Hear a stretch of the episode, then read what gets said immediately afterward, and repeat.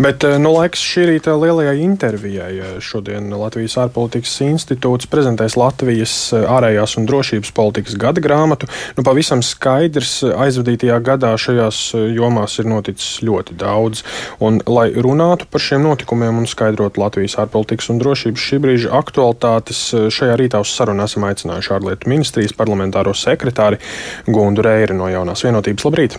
Labrīt! Jā, nu, šodien jau minētās gada grāmatas atklāšanas pasākumā paneļdiskusijā piedalīsieties arī jūs. Nu, noteikti esat apkopojusi, kas ir tās galvenās lietas šajās jomās, ko izcelsiet. Kas tad šobrīd mūsu galvenie ārējās un drošības politikas izaicinājumi? Jā, e, paldies par uzaicinājumu. Paldies arī, protams, ārpolitikas institūtam, kas katru gadu šo grāmatu raksta. To es tiešām varu aicināt arī visus izlasīt. E, jā, patiesībā Mm, tā teikt, riekstu kodolā apkopojot to, ko jūs iepriekš teicāt, notikumi ir ļoti daudz. Bet man ir jāsaka, ka uh, uz šo notikumu fonu uh, Latvijas ārpolitika savukārt sakoncentrējas vienā punktā. Eh, ja mēs vēl iepriekšējos gadus varējām runāt par teiksim, trīs prioritātēm, varbūt piecām eh, gadā, kas, kas ir novērotas vai plānotas, tad, protams, ka iepriekšējais gads rotē, diemžēl, ap vienu asi. Tas ir Krievijas īstenotais, absolūti neizprovocētais, nepamatotais karš Ukrainā. Līdz ar to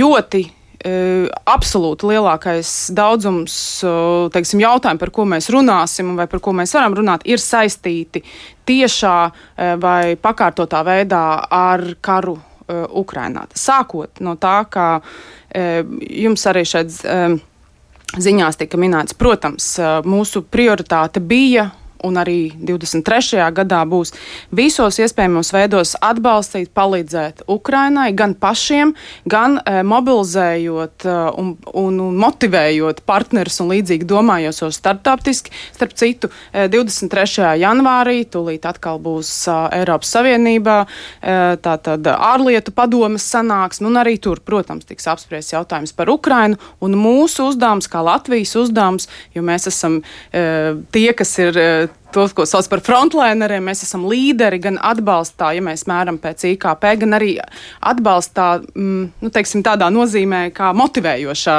un, un solidarizējošā. Mūsu darbs būs tātad turpināt, uh, motivēt, sniegt uh, bruņojumu uh, Ukrainai, jo šobrīd ir. Mm, Absolūti kritiski svarīgi Ukrāņus nobriņot, jo e, ir izskanējuši jautājumi kādreiz, e, vai pietiks spēku vai, vai ne, nesāk trūkt uh, armijas. Uh, cilvēku resursi šķiet, ka netrūkst. Ukrāņiem vajag ieročus. Tas ir pirmkārt. Ukrāņiem nepieciešams finansējums. Protams, ir ļoti labi, ka šobrīd šī 18 miljardu atbalsta makrofinanciālā pakotne piešķirt. E, psiholoģiskais atbalsts, starp citu, rehabilitācija. Jums nu pat bija intervija ar Ilu Lācis kundzi ar Centra Marta um, palīdzību pagājušajā gadā. Eh, Latvija atklāja Ivana Frankivskā, tā ir rietumu daļa Ukrainā, rehabilitācijas centru sievietēm, kas cietuši no seksuālas vardarbības. Bet, nu, pat es jau pieminēju nevalstisko sektoru, tātad tas, tas mūsu arī ārpolitika šeit uz vietas ir stipri izgājusi ārpus nu, tā kā to parasti skata ministrijas sienām. Šis visas sabiedrības iespējas. Jūs, jūs paši arī noteikti visi atcerieties, pirmajās dienās tas milzīgais finanšu apjoms, ko sabiedrība saziedoja, bija absolūti fenomenāls. Nevalstiskais sektors ir iesaistīts, ministrija, daudzas citas ministrijas nozara, kas ir iesaistītas. Mēs eh, motivējam starptautiskos partnerus, tātad Ukraina e, un kar, Krievijas iznotais karš Ukrainā noteikti ir e, mūsu prioritāte arī nākamajam gadam, gan, gan šeit uz vietas, gan reģionāli, gan arī globālajā. Nu jā, tas ir tāds uh, viens galvenais notikums pavisam noteikti, bet uh, tāpat Baltkrievija mums ir kaimiņos, jā. un arī pati Krievija bez visa kara ir visnotaļ tāda neprognozējama. Tur arī ir kaut kādi riski, kam jāpievērš uzmanība. Nu, bez šaubām, Krievija un, un Baltkrievija, kā, protams, de jure vēl neatkarīga valsts, bet mēs bez šaubām tos nu, pat jau skatām kā, kā tik ciešu sabiedroto, ka mēs gan varētu skatīties jau kā Krievijas sastāvdaļu de facto.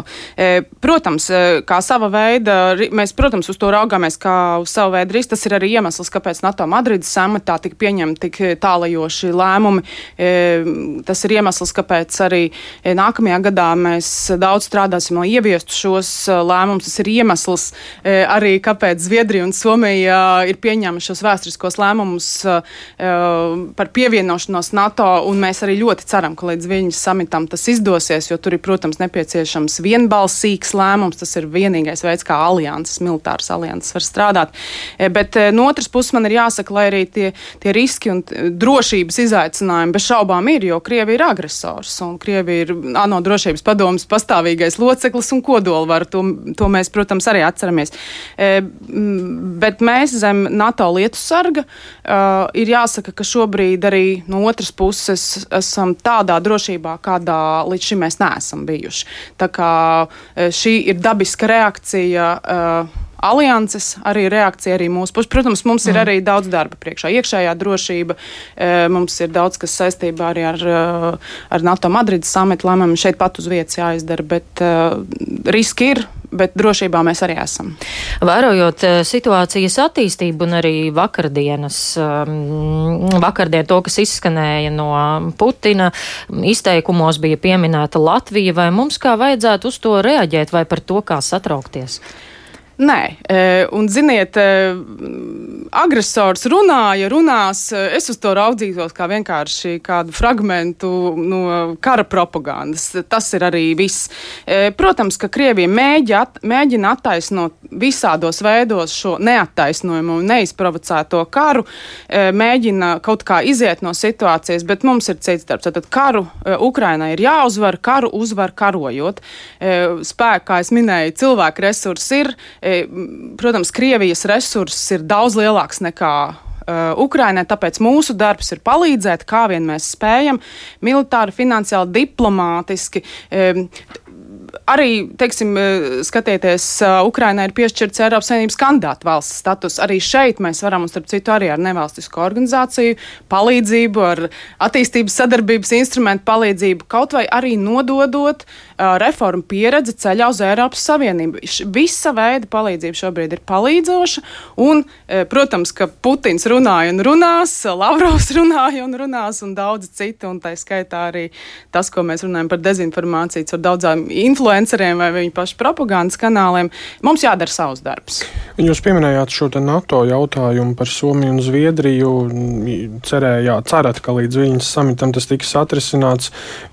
Šobrīd izskatās, ka ir pamats cerēt, ka izdosies atrisināt šīs šī brīža nesaskaņas, jo tās brīžiem šķiet tādas ļoti stingras un nopietnas. Ne, ir daudz neatrisinātu jautājumu. Tas ir, tas ir fakts. E, bet e, labā ziņa ir tāda, ka šis process notiek. E, protams, attiecībā uz Zviedrijas dalību tā situācija ir nedaudz vairāk samilzus nekā attiecībā uz Somiju, bet mēs joprojām ceram uz pozitīvu risinājumu. Lieta ir tāda, ka sarunas notiek, process notiek. Tāpat kā šķita vienā brīdī neiespējami, ka tomēr Zviedrija, Somija ar visu savu vēsturisko, tā teikt, stingro pozīciju, jebkad pievienojas pievienosies NATO, jūs redzēt, eh, tātad šis lēmums eh, no viņu pašu puses tika pieņemts. Vai eh, noteicošais tajā varētu būt Turcija? Protams, Turcijas faktors šeit ir noteicošais, un vienlaikus tas, un tas ir ārkārtīgi svarīgi vienmēr atcerēties, alianses spēja darboties praksē tikai tad, ja tajās ir vienprātība. Kamēr vienprātība nav, tikmēr arī tās nespējas. Tāpēc e, mēs ļoti ceram, ka, tiks, e, ka šis e, vienprātības princips tiks sasniegts līdz viņas samitam. Ja nē, tad kaut vai nedaudz nu, vēlāk. Gaidīsim šo vienprātību. Cerams, ka to izdosies sasniegt. Nu, šajā brīdī sakām paldies par sarunu ārlietu ministrijas parlamentārai sekretārei Gundai Rērei. Paldies!